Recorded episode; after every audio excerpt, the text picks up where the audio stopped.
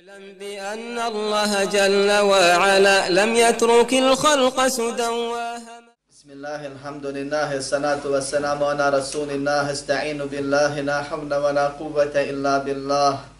اللهم لا سهل إلا ما جعلته سهلا وأنت تجعل الحزن إذا شئت سهلا اللهم أرنا الحق حقا وارزقنا اتباعه وأرنا الباطل باطلا وارزقنا اجتنابه. ولا تجعل الحق ملتبسا علينا فنضل. اللهم آت نفوسنا تقواها وزكها أنت خير من زكاها أنت وليها ومولاها. برحمتك يا أرحم الراحمين. ربنا لا تزغ قلوبنا بعد إذ هديتنا وهب لنا من لدنك رحمة إنك أنت الوهاب. اللهم إنا نعوذ بك من مضلات الفتن ما ظهر منها وما بطن. اللهم يسر ولا تعسر. اللهم بارك وتمن بالخير. أما بعد Sva hvala i zahvala pripadaju samo Allahu, savršenom gospodaru svih svjetova. Nega hvalimo na svemu, jer je On potpun i savršen u svemu. Njemu zahvalijemo na svemu što nam od njega dolazi, jer savršen ne griješi i kad propisuje propise i kad sudbinu određuje. Od njeg pomoć, oprost i uputu tražimo, jer bez njegove pomoći ništa ne možemo, a bez njegova oprosta već kaznu zaslužiš smo i koga Allah uputi napravi put, tome nema zablude i u dženetu će vječno da uživa. Ako ga Allah subhanahu wa ta'ala pravedno zabludi ostavi, tome nema ni pomagača, ni upućivača, niti iz džahennema vječnog izbavljivača. Zato svjedočimo da nema drugog Boga sem Allaha, jedini i nema sudruga, i da je Muhammed sallallahu aleyhi ve sellem Allahov rob najbolji i njegov poslanik posljednji koji je dostavio poslanicu, ispunio emanet, pokazao Allahovom voljom i dozvolom kako se ispravno vjeruje, kako se ispravno djeluje i kako se prema svakome ispravno obhodi.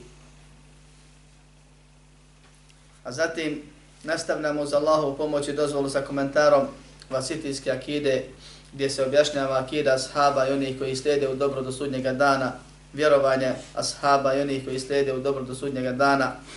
Pa nakon što je šeh završio sa iznošenjem ajeta kao primjer kako ehli sunnet vjeruje u sve što je došlo u Kur'anu vezano za Allahove subhanahu wa ta'ala osobine, to jest vjerujemo Allahu kao što vjerujemo Allaha i hadisa poslanički gdje su spomenute neke dodatne osobine, pa je šeheh na kraju pojasnio šta je to sunnet, koja je njegova vrijednost i da ehli sunnet val džama'a, oni koji su na putu sunneta, na putu selefa, na putu prvih generacija, na onom nepromijenjenom izvornom islamu, da oni i vjeruju u sve što je došlo u hadisima, isto onako kao što vjeruju ono što je došlo u ajetima.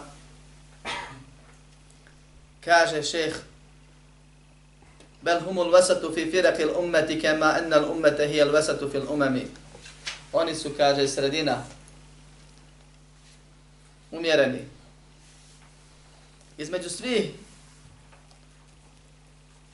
firki u ummetu, sekti u ummetu, pravaca unutar ummeta, muslimanskih pravaca. Kao što je ummet islamski ili vjera islam, sredina između svih drugih religija. Pa poredi ehli sunnat ili put sunnata unutar islamskog umeta sa umetom u odnosu na ostale ili islamom u odnosu na ostale religije. I za jedno i za drugo tvrdi ono što je već Allah subhanahu wa ta'ala u Kur'anu rekao.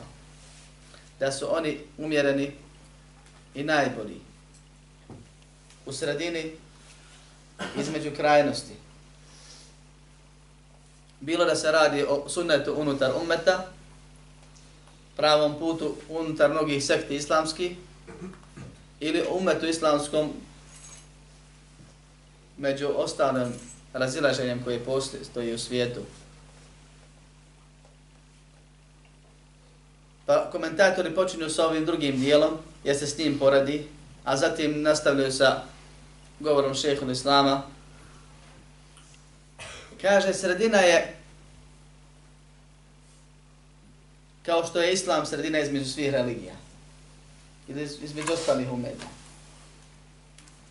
Islam je vjera koju Allah subhanahu wa ta'ala objavio Ademu alaihi salam, zatim ostalim poslanicima, završio je njenu objavu sa Muhammedom sallallahu alaihi wa sallam. Svi su imali jednako vjerovanje, imali su jednake osnovne principe, vjerovanje u Allaha, meleke, knjige, sudnji dan i odredbu. Svi su imali šehadet, samo se poslanik, ime poslanika mijenjalo. Namaz, po, zekat, hač, na načine koji se razlikuju kod svakog od njih, manje ili više. Svi su imali osnovne moralne principe, naređivali su na dobro i odvraćali se od zla. Sve je to islam. Počeo je sa prvim čovjekom na, zemlju, na zemlji i završio je sa zadnjim muslimanom na zemlji, kada nego Allah ga povuče predsudnji dan šaljuće najvjetar. Počeo je sa prvim poslanikom, završio je sa zadnjim poslanikom i najboljim poslanikom Muhammedom sallallahu alaihi ve sellem. Ovdje se ne cilja ova islam u širem smislu riječi, nego islam kao šarijat Muhammeda sallallahu alaihi ve sellem. On je umjeren i najbolji, jer je i poslanik Muhammed sallallahu alaihi ve sellem najbolji. I naš ummet po riječima Allaha uzvišenom Kur'anu je najbolji. Umjeren je između svih i najbolji je u odnosu na sve ostale šarijete koji su od Boga objavljeni. A zatim je umjeren i u sredini je između postojećih religija gdje jedni pretjeruju, drugi popuštaju. Pa je Allah subhanahu wa ta'ala nekim poslanicima objavljivao šarijete gdje se neke stvari od praktičnih fikskih pitanja bile poznate po lahkoći po popuštanju, tako kažem. Ne popuštanju odnosno na nedosljednost u primjeni nečega, nego popuštanju lakši propisi bili. I bilo je šarijata gdje su propisi puno bili teži. Pa se spominje da neki ima prije nas, kad im se isprlja odjeća nečistoćom, jedini način da je uklone i da je izražu. Taj komad odjeće. Nisam mogla oprati. Pa krpi novi. Za neke grijehe morao insan da se bičuje ili kamenuje do smrti. Da sam sebe ubije. Dok kod nas je došlo lakše od toga. Ali teže odnosu na neka druga pitanja koja se spominju, koja su bila tipična za neke druge šarijete, nekih drugih poslanika. A pogotovo sad, nakon što je Allah poslao Muhammeda sallallahu alaihi sallam, kojim je dokinuo sve ostale šarijete, Islam kao vjera jedina kod Allaha priznata ispravna u moru današnjih vjera, religija, je mjera i sredina i primjer između pretjerivanja i popuštanja. Pa da poredimo samo tri velike, židovstvo, hršćanstvo i islam. Kod židova pretjeraše u opisu Allaha subhanahu wa ta'ala te mjere da ga porodiše sa stvorenjima, pa i tuguje i plače i liči na insana starog i ovo i ono. Kod kršćana pretjeraše u veličanju insana do te mjere da, da neke od njih obožavaše. Suprotno to tamo. Islam Allah opisuje onako kako njemu dolikuje, a ljude, makar bili poslanici, onako kako njima dolikuje. Ne dižući njih na stepen Boga, niti spuštajući Boga na stepen insana. Na primjer, nego je sredina. Kada je pitan obradu slovije također, kod jednih se pretjeruje u čistoći, da tako kažem, do te mjere da sa ženom u hajzu nema sjedit, nema spavat, nema ništa u kući zajedno, nego se mora se odvojiti tako dalje, kao što je kod židova. Kod kršćana ista ta žena u hajzu može normalno se moli kao ona koja nije u hajzu. Na primjer, popuštanje kod jednih, pretjerivanje kod drugih. Islam ima granicu i pravilo. Opođene prema neštosti također. Neki ibadeti, odnos prema poslanicima i mnoge, mnoge druge tema ako uporadimo, vidjet ćemo da ima religija, koje pretjeruju u odnosu na islam, granicu prelaze, bilo ljudsku, pa dižu na stepen Boga ili u propisima, ima religija koje skroz popuštaju, u islamu je sredina i mjera. I Allah za muslimane, za ashabe, predstavnike i nosioce islama, kaže وَكَذَلِكَ جَعَلْنَاكُمْ أُمَّةً وَسَطًا لِتَكُونُوا شُهَدَاءَ عَلَى النَّاسِ وَيَكُونَ الرَّسُولُ عَلَيْكُمْ شَهِيدًا Mi smo vas, kaže, učinili srednjim putem, najboljim putem, umjerenim putem. Riječ vasat znači sredina i vasat znači isto tako najbolji i primjerno. I ko, ko je od ovih značajna je ciljano ajetom? Sve. Najbolji umet, kao što kaže u drugom ajetu, kuntum hajra umeti nuhrižite ni nas. Vi ste najbolji umet koji je izašao, izveden ljudima, koji je pokazan ljudima.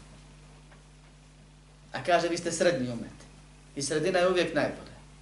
Do te mjere da kažu učenjaci hajra ulu vasatul vasit, va šaru halifratu va tefrit. Najbolje stvari su sred, srede, a najgore su pretjerivanje ili popuštanje, svejedno je.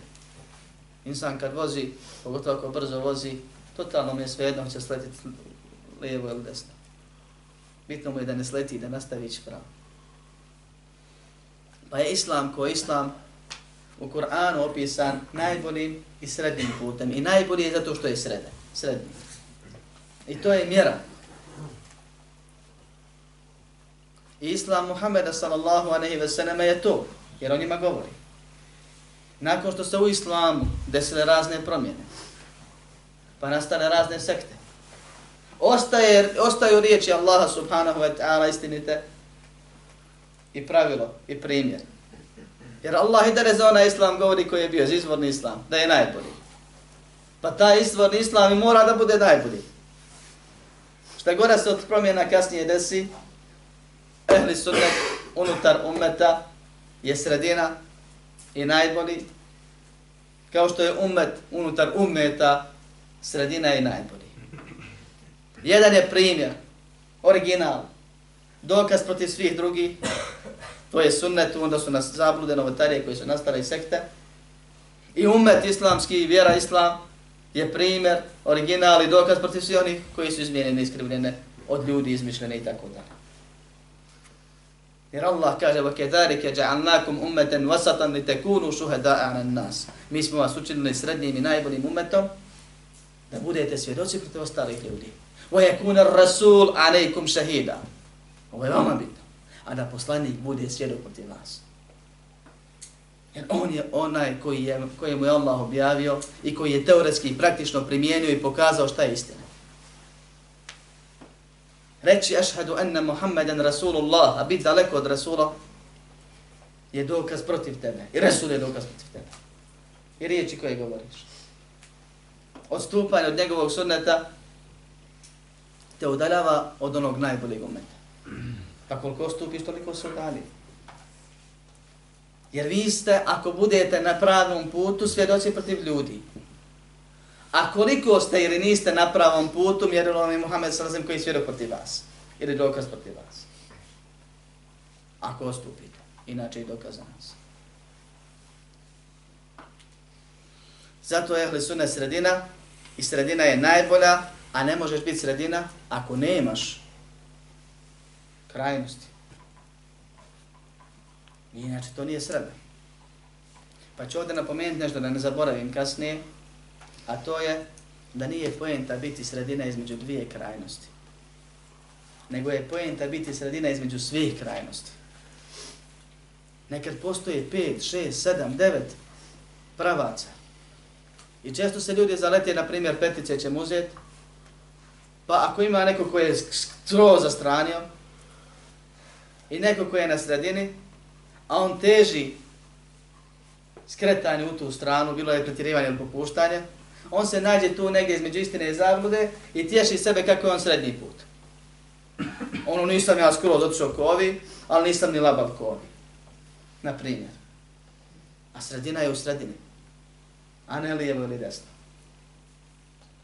Tako ako ima 7, 6, 9 i tako dalje. Ne mora biti uvijek neparan broj da bi se mogla naći sredina. A šta mora biti? Mora biti mjera. Islam je jedina ispravna vjera, to Allah kaže. Inna dina inda Allahin islam. I u toj vjeri, jer Allah znao da će se promijeniti stvari. Poslani se za najavio, men ja'iš minkum fe se jera htirafen ketira, ko bude živio nakon mene, vidjet će, doživjet će mnoga razilaženja. Fa'alejkum bi sunnati, na vama jer sržite moga sunneta. I sunneta halifa. Poznat hadis. Pa u islamu, kojeg je Allah učinio da bude ispravna vjera, postoji mjera koja se zove sunnet. Islam bez sunneta nije islam i istina unutar islama među islamskim razilaženjima bez sunneta nije istina. Nije pravi put. Allah poslao poslanika. I rekao mu u suri Yasin na početku samom Innaka la minel mursalin, ti si poslan, ala siratin mustaqim, na pravom putu. Ako je Allah garantovao za poslanika, a jeste nam puno mjesta u Kur'anu da je on na pravom putu, to je to automatski garancija svako, protiv svakoga onoga ko odstupi od puta poslanika, sallallahu sallam, da je na krivom putu. I da nije na pravom putu. I zato je došlo u hadisu će umet podijeliti na 73 skupine i da će svi idu ka vatri osim jedna. Ne dvije ili tri, osim jedna. I zato je Allah u Kur'anu rekao وَأَنَّ هَذَا سِرَاتِ مُسْتَقِيمًا فَتَّبِعُوهُ وَلَا تَتَّبِعُوا سُبُلَ Ovo je moj pravi put, jedan. Pa ga slijedite. I nemojte slijediti stran pod se puta. Pa vas, da, da vas oni odvedu iz pravog puta. I sad je šeh ovdje spomenuo pet temela, ima ih više, ali spomenuo pet najbitnijih stvari kao primjer da je ehli sunnet vel džemaat uvijek umjeri. I zato su umjereni. Na sunnetu. Između pretjerivanja i popuštanja. Između pretjeranog davanja nekakvih prava koja ne posjeduju ako se radi o ljudima, bilo poslanicima, sahama i drugim, ili oduzimanja prava. Između pretjeranog veličanja onoga koji se ne smije veličati ili nepoštivanja onoga što se mora poštovati. Pa kaže, فهم وسط في باب صفات الله سبحانه وتعالى بين أهل التعطيل الجهمية وأهل التمثيل المشبهة. Oni su, kaže, kad je u pitanju vjerovanje u Allahova imena i svojstva, sredina u jednoj mjera. Između, kaže, onih koji ih negiraju poput džehmija, a džehmijom se naziva onako, pored sekte džehmijama, džehmijom se naziva svako onaj ko ne potvrđi Allahovo svojstvo, tako je običajno na nebi. Pa se pod džehmijom zaziva je Ebu Atazila, je Šarija i Maturidija i Kulabija ili neko drugi ako bude izbjeno. Kaže se džehmija, to što su uzeli džehmijski put. Predsi su u, u tome džehmije, a ne Muhammed s.a.v. I na isti kalup, samo što su odvadili malo, manje ili više u odnosu na džehmije. Jer su džahmije prvi koji su negirali Allahu imena i svojstva. Pa se kaže, oni su sredina između džehmija koji negiraju Allahu svojstva. A kako se negira? Molim? Kako se negira? Kako, šta je to? Što znači negirati Allahu svojstva? Ne priznaju da to Svako nepriznavanje onako kako je objavljeno je negiranje. Zato negiranje može biti da čovjek kaže nije to Allah rekao, pa da izađe iz vjere. Ili ja u to ne vjerujem. Nije to tako. Ili da kaže to se ne svata bukvalno, to treba protomačiti. Nije ruka, nego je moći pomoć. Opet je negirao ruku. Razlika je stepen zablude jedno biva kufr, drugo novotarija i tako dalje, ali je pojenta da on nije priznao ono što Allah hoće da se prizna. Tako da tu i direktno negiranje, i indirektno negiranje, i tumačenje, i tefvid takozvani, a to je prepuštanje Allahu, pravljenje poslanika sallallahu alaihi sallam, sahaba i ostalih vjernika neukim, kaže, jeste Allah rekao ruka i mi kažemo da Allah ima ruku, ali, ne, zna, ali to znači R-U-K-A. A ne znamo šta znači. Nećemo reći da je to ruka u značenju, nego samo ćemo pred slova ona priznati. Allah zna, mi ne znamo, kad to su oni ajte mu, mu što ih ne zna, osim Allah. Značenje kaže to. Ima i ta opcija, i to je negiranje. Jer Allah kad je rekao ruka, objavio je Kur'an na arabskom jeziku, Arab razumije šta je ruka. Šta je jed. I šta su? Jedahu, njegove dvije ruke. Na primjer samo. Pa svako nevjerovanje ispravno je negiranje ne priznava neispravnog.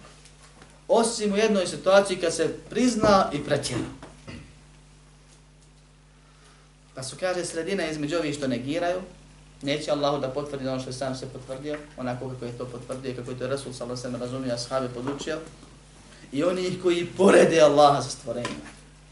Oni kažu, jeste, Allah ima ruku, Allah ima lice, Allah ima, nabraje osobine. I to je kao najljepša ruka nekog od nas. Ne budu I ne se kaže, Allah poduči onome što mi razumijemo. Koriste i reč istine, pravilo ispravno.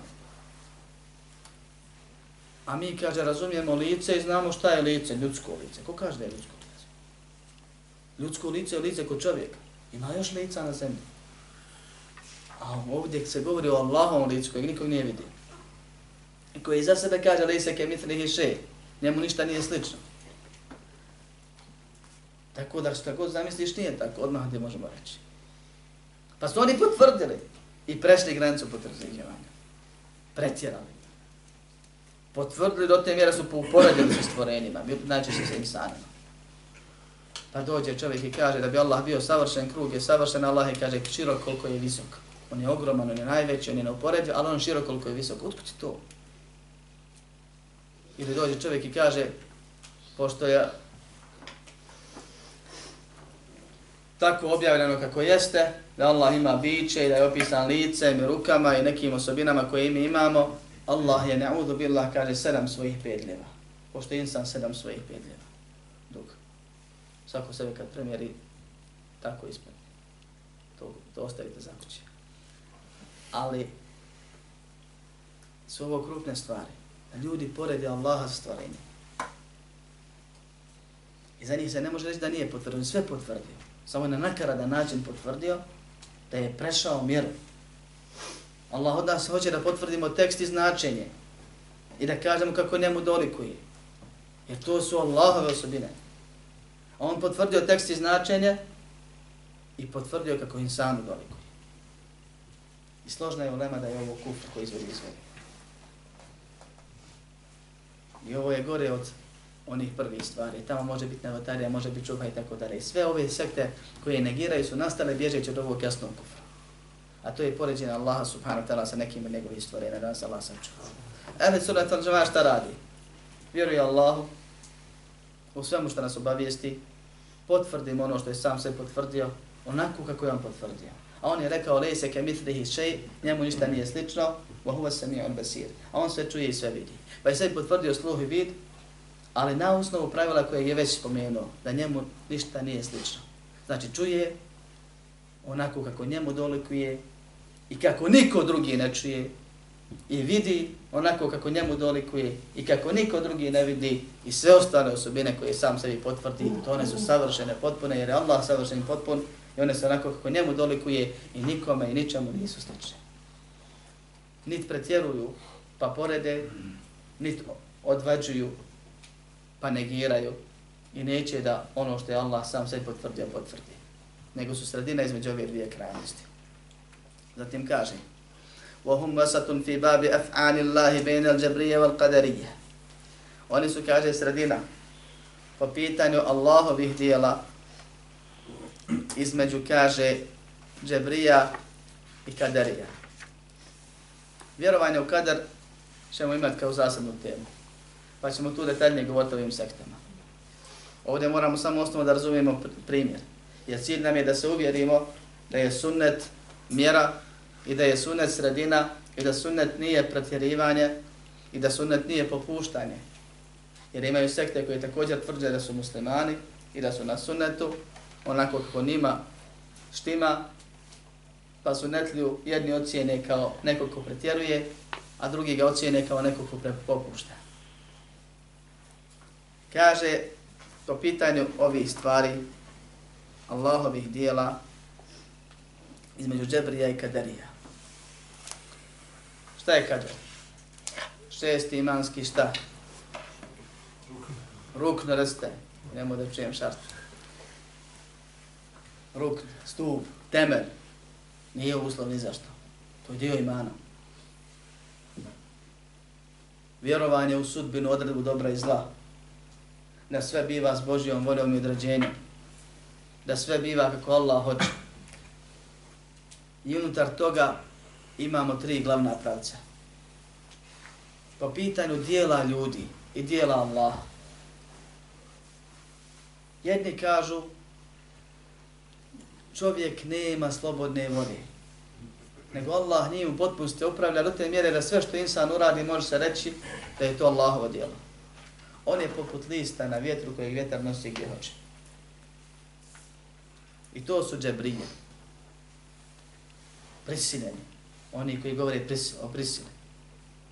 Allah prisili insana, insan radi jedan, kafir mora da radi kufr i mora u džehennem zato što ga Allah natjerao, one ima po njima. To je sekta. Pa ne bi ko pogrešno shvatio. Nema slobodne volje insan, kaže nikako.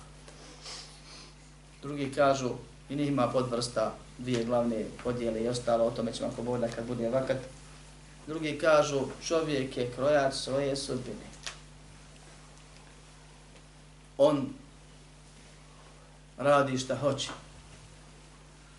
I dijele se na one koji kažu da Allah zna šta će uraditi, ali ne može se uplesti, jer je to insanu prepustio. I one koji kažu da Allah ne zna šta će raditi, pa su negirali kader u potpunosti. Jer je kader, učili smo više puta i ponovno ćemo učiti, sastoji se od četiri rukna, znanje Allahovo, htjenje, pitanje i stvaranje. Pa Allah je sve znao i što je znao da će se desiti, to je htio da se desi, da nije htio ne bi se ni desilo. I to je zapisao ljudima, znajući unaprijed šta će ljudi uraditi, ono što im je dopustio da uradi neko kufr, neko ima, neko sevap, neko grije. I kad se to dešava, Allah stvara ljudi čini. I Allah ne čini, ne tjera, nego stvara, a ljudi čini. I to je ispravno vjerovanje. Pa neki kažu, ljudi stvaraju dijela, neki kažu Allah ih radi. To su dvije krajnosti.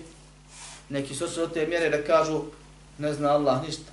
Ja, dok se ne desi. Čim kad se desi, on prvi sazna. Jer on sve zna. Pa su time uradili kufr. Ti koji negiraju da insan ima slobodnu volju, zovu se džebrije, oni koji insanu potvrđuju neovisnu slobodnu volju, apsolutnu slobodnu volju, zovu se kaderije jer su negirali kader. Negirali kader u ovom smislu bilo dio, zadnji dio stvaranje dijela ljudskih ili čitav kader čiji je temelj znanja Allahu subhanahu wa ta'ala. Muslimani ne kažu da je čovjek apsolutno slobodan, ehli sunnet ne kaže to i ne kaže ehli sunnet da, da je čovjek apsolutno prisiljen. Nego insan ima htjenje ima moć, snagu. I htjenje i moć mu je Allah dao i stvorio u njemu. Insan svojim htjenjem hoće i može pa uradi. Onda ako mu to Allah dopusti. Insan može da hoće, a da ne može, pa ne uradi. Jer nekad može nešto uraditi, a neće, pa ne uradi. Mora oboje da se sastavi da bi uradio. I treće, da je to već Allah unaprijed odredio zato što je znao da će uraditi, pa dopustio. Nije prisilio, ali je dopustio i zapisao. I dokaz zato su dva ajeta. Jedan za drugi. Jedna tema. Limen ša'a minkum en jeste qim, kaže Allah uzvišnje. Ko hoće od vas da krene pravim putem? Pa nam time potvrđuje naše htjenje. Kaže, ko hoće ne krene. وَمَا تَشَاءُونَ إِلَّا أَنْ يَشَاءَ اللَّهُ رَبُّ الْعَالَمِينَ A vi ne možete htjeti osim ono što hoće Allah, gospodar svjetova. Ne možeš ti nešto htjeti pa da Allaha iznenadiš. Jer u njegovoj vlasti se ne, ne dešava osim ono što on hoće. On zna unaprijed ko unazad. On sve zna. Nego Allah znao šta ćeš uraditi, to ti dopustio pa zapisao i to je sudbina unaprijed je preteklo ono što je Allah znao i htio da se desi. Da nije htio, to je dopustio, ne bi se nije desilo sigurno. Ne bi ga ti mogao sad, ni savladati, ni zanaditi. Subhanahu wa ta'ala. I tako vjeruje ehli sunnet. Da mi imamo htjenje i imamo volju, pa s tim htjenjem i voljom i moći da mi uradimo što namjerimo, samo onda ako nam je to dopušteno naprijed. Pa zapisati. Pa je naše htjenje podčinjeno Allahovim htjenjem, a ne pre, natjerano i prisiljeno. Nego unutar toga nismo mogli iskočiti nikako. Ni radimo nekim tijelom koje je naše, nije nam Allah dao, ni na nekoj zemlji koja je naša, nije Allahova, niti unutar htjenja koje je apsolutno naše, a ne podliježe Allahovim subhanahu wa ta'ala pravilima, između ostalog njegovom htjenju stvaralačkom. Pa jedni kažu prisiljen 100%, pa Allahu zulm pripisaše jer je natjerao insana u džehennem i krivene dužne, neke. Drugi kažu radi šta hoće, pa Allahu nemoć pripisaše i neznanje, i svašta nešta. Pa tu ima pod pravila, pod sekti, dođu ljudi kažu Allah, e, insan kaže samo naplaćuje, Allah radi. Insan ne kaže poput noža, kao što se šarije kažu, poput noža. Nož neko uzme u rukom i reže. Pa se kaže da je nož izrezo hljeb, na primjer. A osnovi ga insan izrezo. Pa insan samo sredstvo kaže. I tako dalje. Mi kažemo insan hoće i može, pa uradi ono što mu je već dopušteno, a to dijelo kad se nastaje, Allah stvara jer nema stvaralaca, nema stvoritelja sem njega i ne, niko ne stvara sem Allah subhanahu wa ta'ala i nije isto stvarati i raditi. Ti si uradio na dva načina. Allah ti stvorio htjenje i stvorio ti snagu i mogućnost i ti na osnovu toga uradio si što si uradio, pa ćeš za ono što si radio biti nagrađen i kažnjen pravedno, jer nije te Allah prisilio, ali ti jesi dopustio, ni ti Allah iznenadio, ni prevario, ni nemoćnim učinio, savladao, nego je Allah znao naprijed i htio i omogućio ti te stvari, pa kad se nešto desi, Allah je stvorio i dobro i, dobro i zlo, ali insan uradio i dobro i zlo. Bez obzira koliko je trebalo zamršeno, ono ovo ukazuju šarijetski tekstovi i ovo je istina i nije istina i nemoguće i kosi se sa jasnim ajetima raznoraznim ako kažemo jedno ili drugo, bilo da je prisiljen u svemu ili slobodan u svemu. Time moramo da negiramo nešto od Allahove riječi, a to je nevjesto samo poslije Allah sašao. Kaže, u fi babi esma'il imani wa din, Kaže, prije toga, u fi babi وفي Allahi bejna al-murđi'ati wa bejna al-wa'idijati min al-qadarija wa gajrihim. Kaže, po pitanju Allahovih prijeti između murđija i Va'idija od Kaderija i drugih. Tako stoji jedno nuskri ovdje ne. Po pitanju Allahovih prijetnji. Šta su Allahovi prijetnje? Ono što je Allah spomenuo kao kaznu za grije. grije. Tu se isto ljudi podijeli se na tri velika pravca. Istina je u sredini dvije krajnosti. Pa jedni kažu što Allah zaprijeti mora da uradi na nekog djela. Mora da ispuni. Mora da izvrši. A drugi opet imaju neka svoja pravila, pa prijetnje dođu onako ko ukras ovoj našoj vjeri. Pa imamo murđije koji kažu da dijela nisu od imana. Ni dobra, ni loša. Pa kažu ne, ne utiče dijelo na iman. Što znači radi kakav hoćeš grije, nema džehennema za to.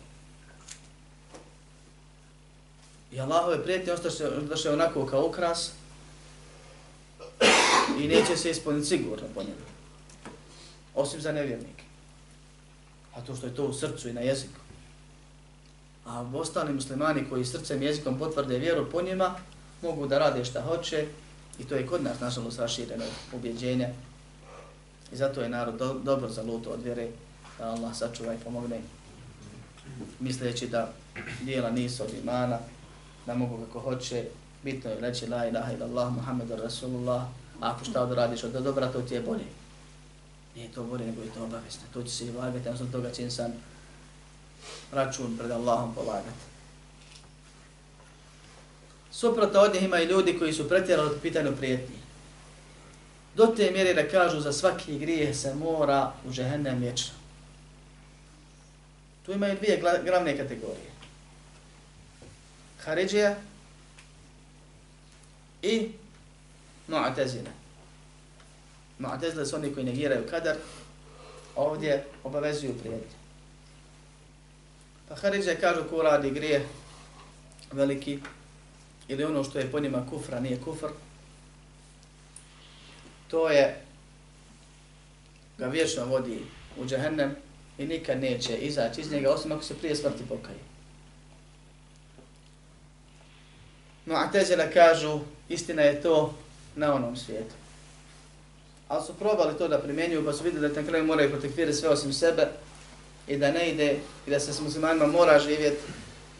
Pa su onda dorađivali, dorađivali od te mjere dok nisu izmislili stepen između dva stepena. Položaj između dva položaja. Pa kažu, na onom svijetu onaj ko umre sa velikim grijesima, ne pokajavši se od njih, on je čafir, jedan kroz jedan.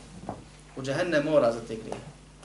Ali na dunjalu kažu, on je ni musliman ni kafir. Ne smijemo ga protekfirati, jer će rijeska između ostalo pravila, a i praksa njihova pokazala da ne može se tako živjeti i ne smije se tako vjerovati. Ali kaže, činio je grije, Allah za grijeh obećao džahennem. Ne smijemo reći ni da neće. Nego da spojimo, kaže to, oni pametni, obavezat ćemo džahennem, ali na onom svijetu, a reći ćemo da je ni tam ni vam na dunjaluku, s tim da ćemo se ponašati prema njemu kao prema muslimanu. Pa su pogrešili višestruko. Višestruko. Prvi su bili realniji, da tako kažem, logični, iako jedno i drugo je zabluda. Za velike grehe se ne ide vječno u. Za grehe se ne ide u džehennem, osim za ono što je kufr. Veliki, širk veliki, nifak veliki. Ne ide se vječno u džehennem. Ali ovi kažu, ima, kaže, stepen između dva stepena, ni tamo, ni ovo, ono. Pa im kažu učenjaci, vaša se zabluda pokazuje na dan dženaze. Kad umre neko od onih kojima ste vi presudili da nije ni vjernik ni nevjernik, a da je na ahiretu vjernik, vi njega kopate u muslimansko groblje. Vi njega prije toga gasulite, kefinite, zamotate čefine, vi njemu klanjate dženazu koju govorite Allahu moj smiluj mu se. A već ste ga već i džahenemu sudili. Jeste rekli ako je na dunjalku takav moramo prema njemu kao prema muslimanima. Tako se radi prema muslimanima. Do kraja. Pa na vam je, kaže, prvo da se predomislite skroz, vratite iz početka, formatirate ako možete na fabričke postavke, ako ne možete, da izmislite groblje između dva groblja, vjeru između dvije vjere, stanje između dva stanja, dženaze između dvije dženaze i tako nešto, pa da ga stavite u, to, u taj vaš izmisleni nepostojeći stepen na ovom svijetu, jer i tamo morate mu reći da je između dženeta i dženema, ne može vatra, ako se već molio za njega na Pa je to besmisleno. Međutim, ljudi su tražili, nisu htjeli istinu, a jasna im bila zabluda haridžijska, pa i da im je da se uklopi negdje između, da ne budu, kaže, ni tamo, ne nađu sredinu, jer su oni misle da se sredina traži, A mi smo naučili da je sunnet mjera koji je objavljen. Sredina se nauči i primjenjuje i nju se vjeruje. Za razliku od ovih Haridžija su protekfili za grijehe, bilo velike, bilo male, bilo mubah ili sevap stvari. Poslani sam sem kada opisuje Haridžija velike, prave, prve, pardon, i prave, među najboljim, najjačim, najtežim, najavljuje ih da će se boriti protiv Alije, da će biti ovo i ono, poznati opis. A šta su oni uradili pa su bili Haridžije? Zašto su oni tekfirili, ti prvi koji se javili? Koji su Aliju i Muaviju protekfirili zato što je postupio, zato što su njih dvojica radi Allahu anhuma postupili po šerijetu. Nisu se mogli dogovoriti, pa su dali predstavnike da, da im presude, da im nagode sulh onaj koji smo govorili u suri Huđurat, tefsiru. Nešto što je Allah naredio. Ljudi izvršili. Sevap uradili. Htjeli pomiriti se. Dođe Haridža i kaže vi ste uzeli ljude za sudije pored Allahovog suda, sud pripada samo Allahu i vi ste kafiri svi. Zašto su prve Haridže protekvirili Aliju, Muaviju i sve ashabe? Zbog koje greha, velikog ili malog? ni zbog jednog zbog se vapa. Zato je, braćo, moja definicija Haridžije. Onaj ko tekfiri za nešto što nije kufr, smatrajući to kufrom. I nemojte da vas bunjuju. Oni koji to rade, jedan kroz jedan su Haridžije. I kažu, mi ne tekfirimo za velike grije. Ne moraš. Gori od tebe su takvi bili. Gori od tebe nisu takvili za velike grije pa su bili u džehennemu za života obećanim, najavljenim, opisani izgledom. Ali ja digo jednog i rekao, evo ga, ovog mi je poslanik najavio. Džehennemski psi, ili psi stanovnika džehennema. Džehennema. Nije mala stvar, ljudi. Petljat se u to. To je Haridžija, makar vam pričao ko pričao. I spominje opšte definicije, bilo daja ili drugih.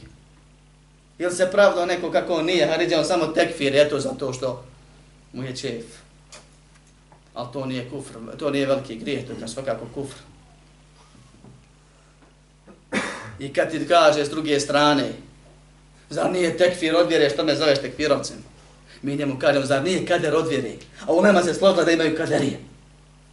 I tako neke druge stvari. Kad nisi ispravno shvatio temeljno pitanje uvjeri, vjeri, bilo da si pretjerao ili popustio, možete se nazvat po tvojoj zabludi ili po tom pitanju.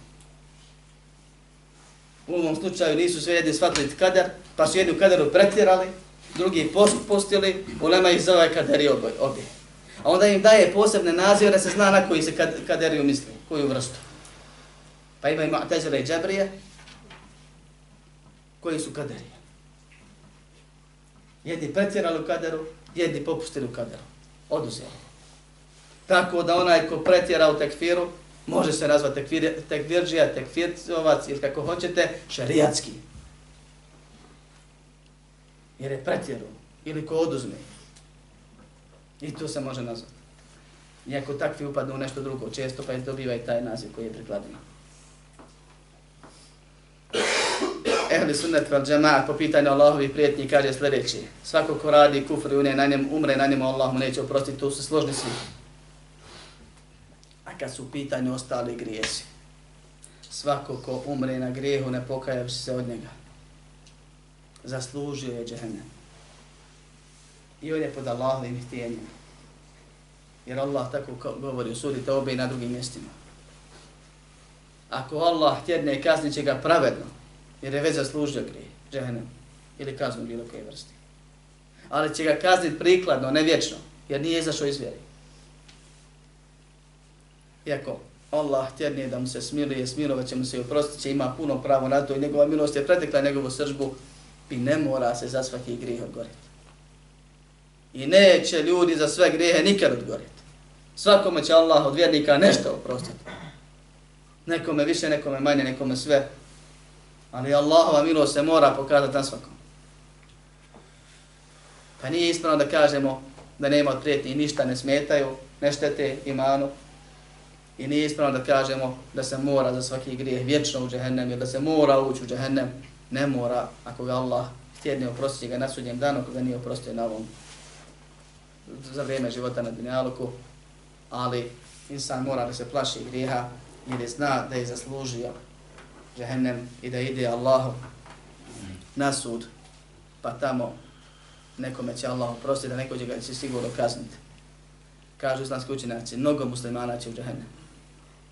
Privremeno. I mnogo ih neće u džahennem, jer mnogo je nasuprot mnogo. I hadisi šefa, o šefaatu i o vrstama šefaata su dokaz da muslimani koji uđu u džennet, u džahennem neće u njemu vječno biti, između ostalo.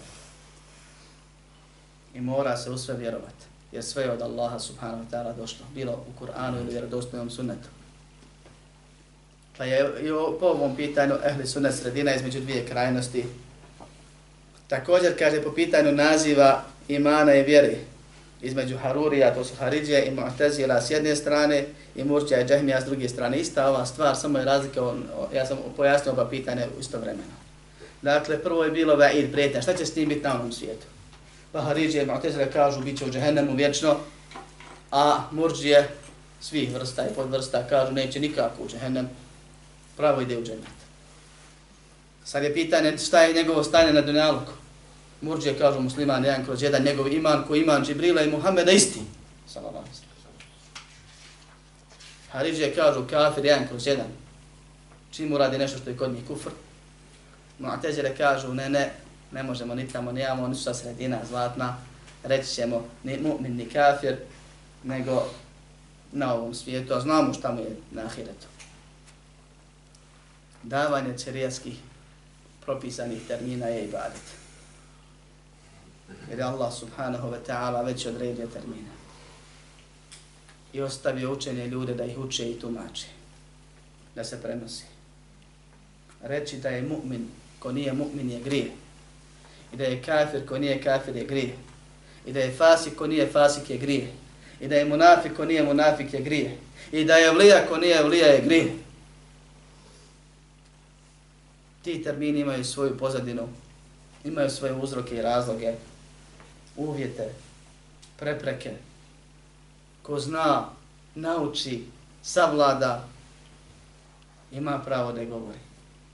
Ko ne zna, ima pravo da šuti jer mu nije obaveza se petlja. I ima drugo, ima obavezu da šuti, i ima pravo ako hoće već da se petlja da pita učenog pa da prenese ono što je od njega čuo. A ne da on govori od sebe. To su vjerski termini. A vjera nam je od Boga objavljena. Vjera se ne konta, ne shvata, ne štima, ne prepravlja, ne mijenja, ne dorađuje. Allah je ju potpunio. Poslanik sam zmajet o tome objavio. I s takvim islamom je zadovoljan. Pa potom pita isto jedni kažu ne smeta ništa. Džehmije i murđija, džehmije su glavna vrsta murđija, najčešća. Kažu ne smeta. Sve su to braća muslimani potpunog imana. Drugi kažu sve su to kafiri, samo jedan bitnost na ovom i na ovom svijetu, kako i šta. Ehli sunet kaže, ko je izašao iz vjere, taj nije musliman. Ko je uvjeri, taj musliman neke vrste, može biti potpuno, ako je potpuno muhsin, vlija, može biti veliki griješnik, pa za velikog ne, grešnika ne kažemo potpunog imana, ne smijemo, nego kažemo vjerni grešnik. Vjernik je zbog svog imana onoga što ima, a grešnik je zbog, zbog grijeha. Na osnovu toga ih volimo i mrzimo onoliko koliko njima znamo dobra i zla. Također, pa volimo muslimana koliko znamo da je dobar i mrzimo ga koliko znamo da je loš i ne mrzimo njegova dijela, kao što neki kažu, nego njega, kao što ne volimo njegova dijela, nego volimo njega, ne zbog njegovog izgleda ili položaja, nego upravo onoga što pokazuje nam. I ovo me ulema često govorila, ja moram napominjati jer kad neko ovako nešto kaže, napadnu ga, kako ćeš to reći, kaj mrzimo dijela, ne mrzimo čovjeka. A gdje su ta dijela da ih vidimo, da ih mrzimo? Da. A što to isto da ne kažeš za dobra dijela? Ne kažeš volim ga što je dobar. Pa ga i mrziš što je loš. Onoliko koliko je loš. I to je pravda. I to je sredina.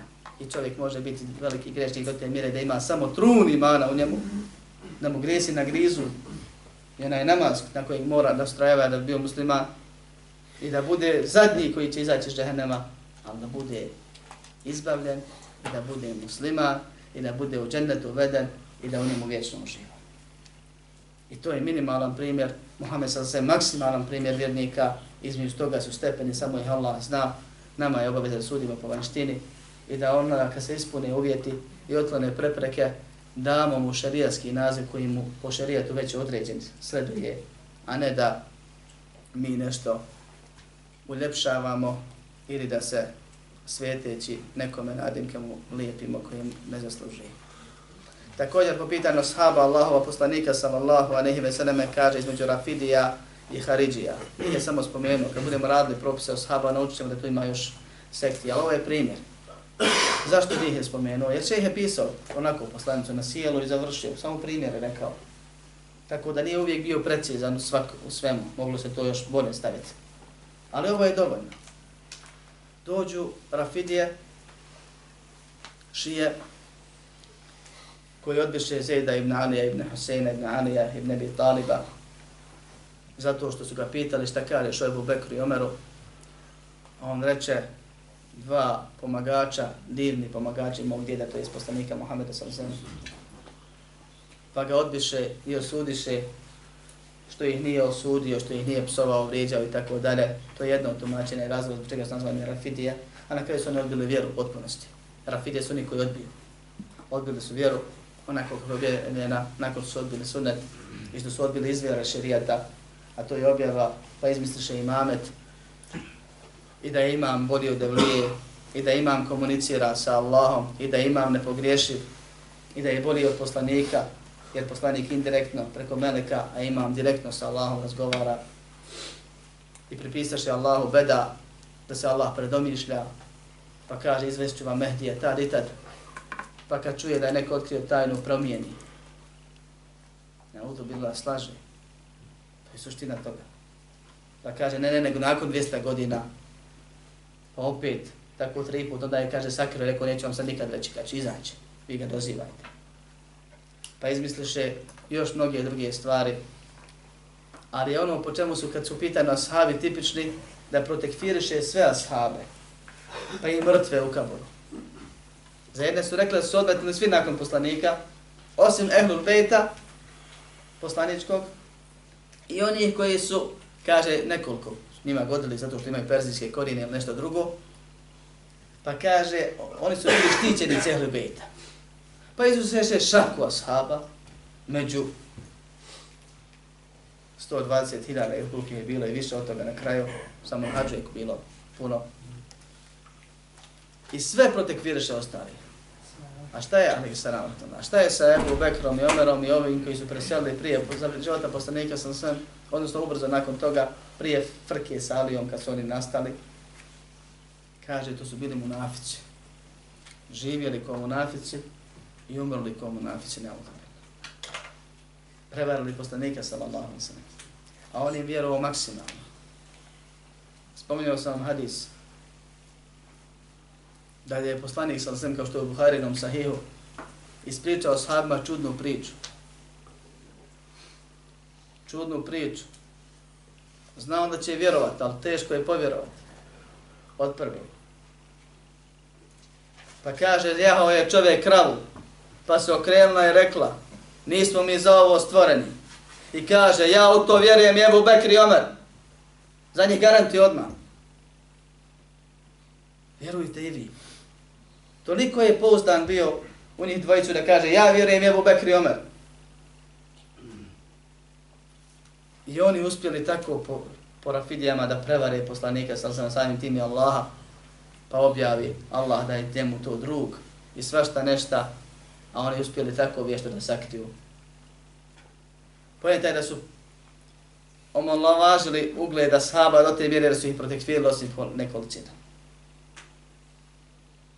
Haridže također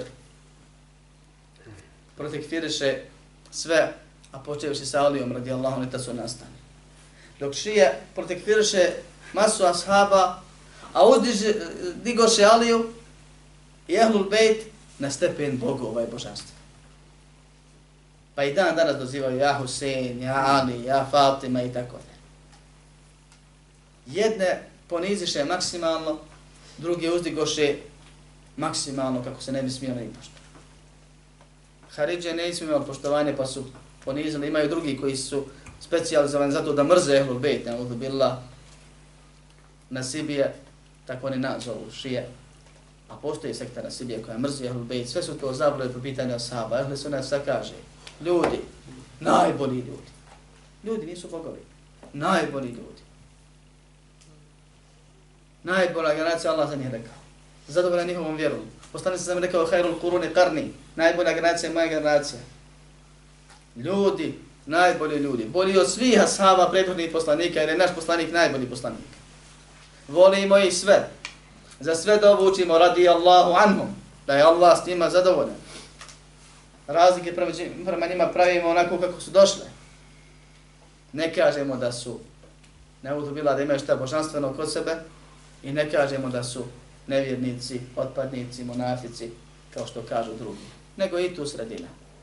I ovo je pet velikih pitanja, a ima još puno, kako budemo jednu po jednu stvar, tačko radili, ako Bog da u budućnosti, pokazivat će se malo detaljnije i uvijek će se pokazati jedna stvar. Da je sunnet mjera, a islam jedina kod Allah ispravna vjera i da se na osnovu te mjere mjeri koliko je insan na pravom putu, sunet je akida, nije samo sunet praktikovanja, sunet onda namaza ili izgleda i tako dalje, sunet je i ponašanje, ne samo fik, opet napominjem, i sve je to sredina između krajnosti, makoliko ih bilo. sredina i umjerenost. Jer nećeš naći sektu, a da nije ili pretjerala ili popustila u bilo kojoj stvari gdje se razilazi i odstupa od suneta. Sunet je nešto najbolje što je insan, što insan može dobiti od Allaha subhanahu wa ta'ala uputu da bude i živi i vjeruje na sunnetu i po sunnetu. I da na tome preseli. Onaj kome je Allah omogućio da sluša, da uči, da se pripisuje sunnetu, ne može se Allahu zahvaliti na to blagodati. Jedino što može raditi je da zahvaljuje i da se trudi da na tome preseli. I da moli Allaha subhanahu da ga na tome usmrti i proživi. Jer zaista, zaista, biti na putu među svim putevima koji idu ka džehennemu, na jedinom putu koji vodi ka džennetu, direktno, a ne kroz džehennem, je nešto što najvrednije što insan može zamisliti i poželiti. Allahu se zahvalijemo na blagodati sunata, na blagodati spozna izvornog islama, na mogućnosti primjene pozivanja. Molimo Allah da nam poveća, da nas učvrsti i na tome usmrti i s takvima proživi. Molimo Allah subhanahu wa ta'ala da uputi nas i naš narod na pravi put i da nam pomogne da živimo sebi i drugima dobro činimo, a kad preselimo na smrtne muke i budu zadnje muke koje osjetimo. Amin. Alhamdulillahi rabbil alamin. اعلم بأن الله جل وعلا لم يترك الخلق سدى